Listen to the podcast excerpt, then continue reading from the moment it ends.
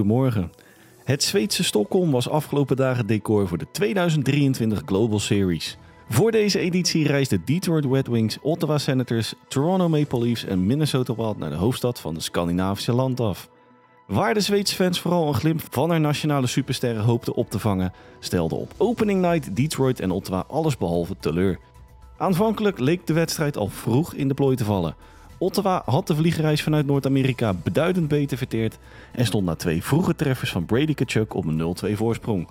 Toen Jake Sanderson en Josh Norris de tussenstand op 0-4 bepaalden, ging helemaal een streep door de spanning. Niets bleek echter minder waar. Nadat uitgerekend Zweed Lucas Raymond de stand op 1-4 had gebracht, scoorde achterin volgens David Perron, Alex de Brinket en Shane Gostisbehere. Binnen een tijdsbestek van nog geen 8 minuten trokken de Red Wings de stand weer volledig in evenwicht. Het publiek leek zich in overtime op te gaan maken voor een beslissende shootout, maar Tim Stutzle besliste anders.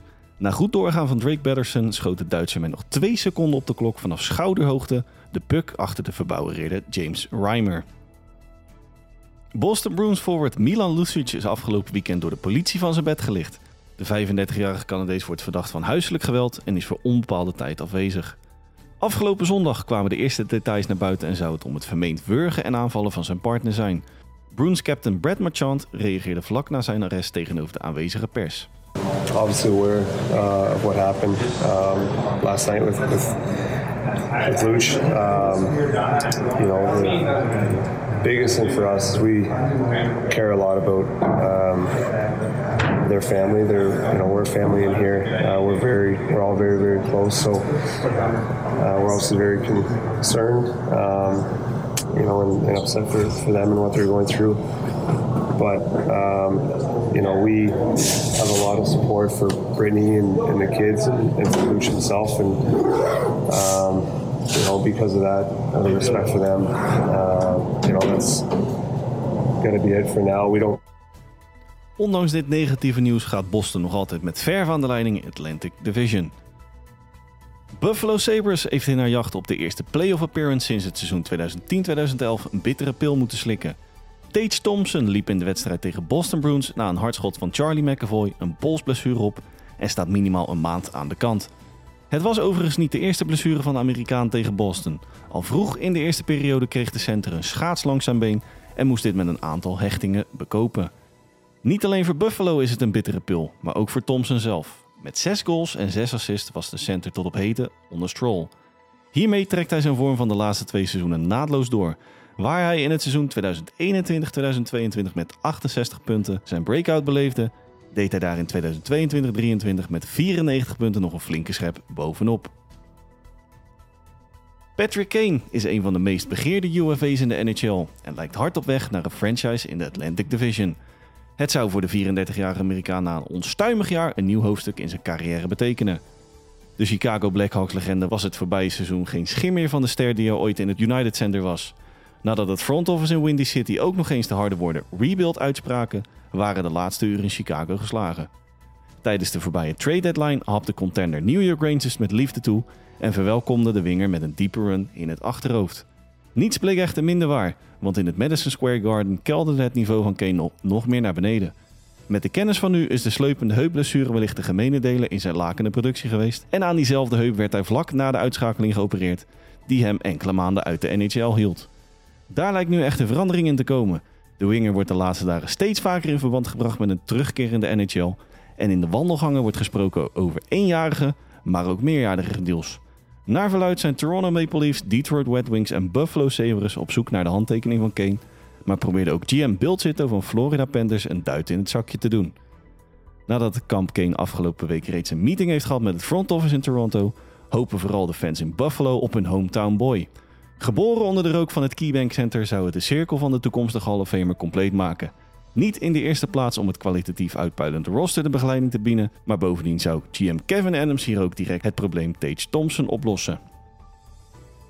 De Metropolitan Division is in de eerste maand van het seizoen het domein van New York Rangers. De Blue Shirts pakten 19 punten in hun laatste 10 wedstrijden en gaan onbedreigd aan de leiding. Achter het sterk gestarte gezelschap van Peter Laviolette is het dringen geblazen. Hoewel het begin er niet naar was, doet Washington Capitals het verrassend goed. Afgelopen dinsdag boekten de mannen van Spencer Carberry hun zevende overwinning in negen wedstrijden en daarmee hun derde op rij. Titelverdediger Vegas Golden Knights had geen schijf van kans en kreeg met 3-0 klop van de mannen van Alex Ovechkin. Veel verschil zit er echter niet tussen de teams in deze divisie. Van Carolina Hurricanes kennen we allemaal de kracht, maar dat Philadelphia Flyers zich ook zou melden is een verrassing te noemen. Weinig mensen hadden verwacht dat het keurkorps van John Tortorella na ruim een maand een vergelijkbaar record had als New Jersey Devils. Het front office in Dallas was voorafgaand aan het seizoen het er unaniem over eens. We willen ons down the middle met een center van formaat versterken. GM Jim Neal zal zich een aantal keer in de ogen hebben moeten wrijven om de buyout van Matt Duchene in Nashville voorbij te zien komen. De 32-jarige forward streek op 1 juli 2019 in Tennessee neer en tekende een zevenjarig contract ter waarde van 56 miljoen dollar. In het seizoen 2021-2022 schoot de Canadees met scherp en vestigde met 43 treffers een nieuw franchise-record. Onder het nieuwe bewind van Barry Trotz werd het toch besloten om afscheid te nemen van de third overall van 2009. Dallas was er als de kippen bij om de gedroomde versterking binnen te hengelen.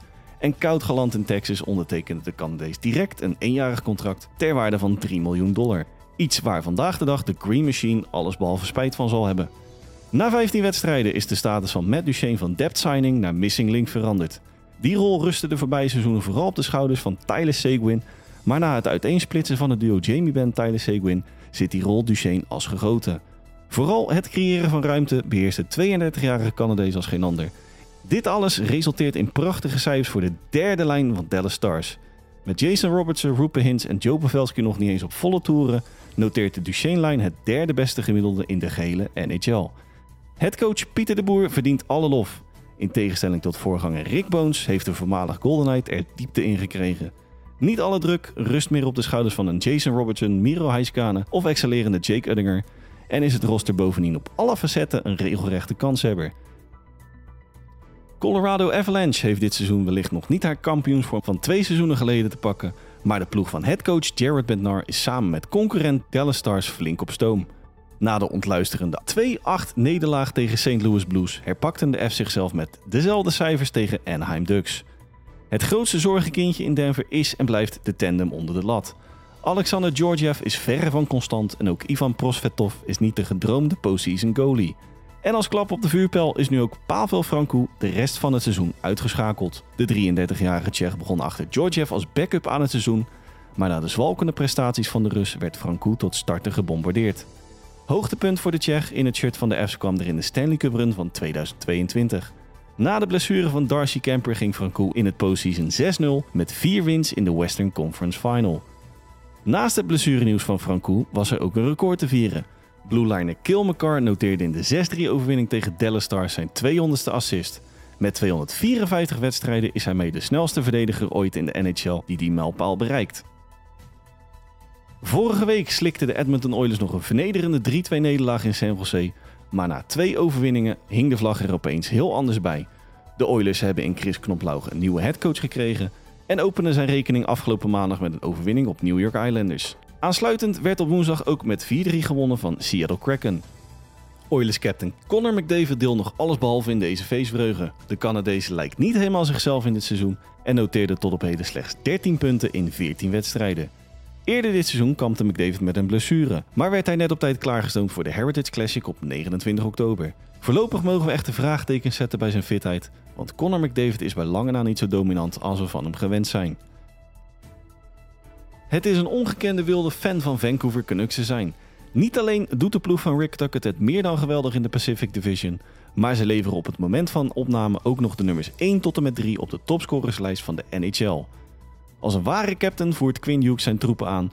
De jonge Blue Line scoorde weliswaar slechts 6 goals, maar was als aangever maar liefst 21 keer betrokken bij een goal, waarvan 13 op de powerplay.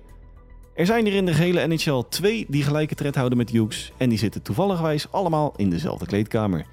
JT Miller is momenteel bezig aan een 6-game point streak en verzamelde tijdens die reeks 11 punten. Dat brengt hem net als Hughes op 27 punten in totaal en zweet Elias Pettersson sluit de rij met eveneens 27 punten. De stand in de Pacific is redelijk status quo. Vegas Golden Knights voert met 28 punten nog altijd de ranglijst aan.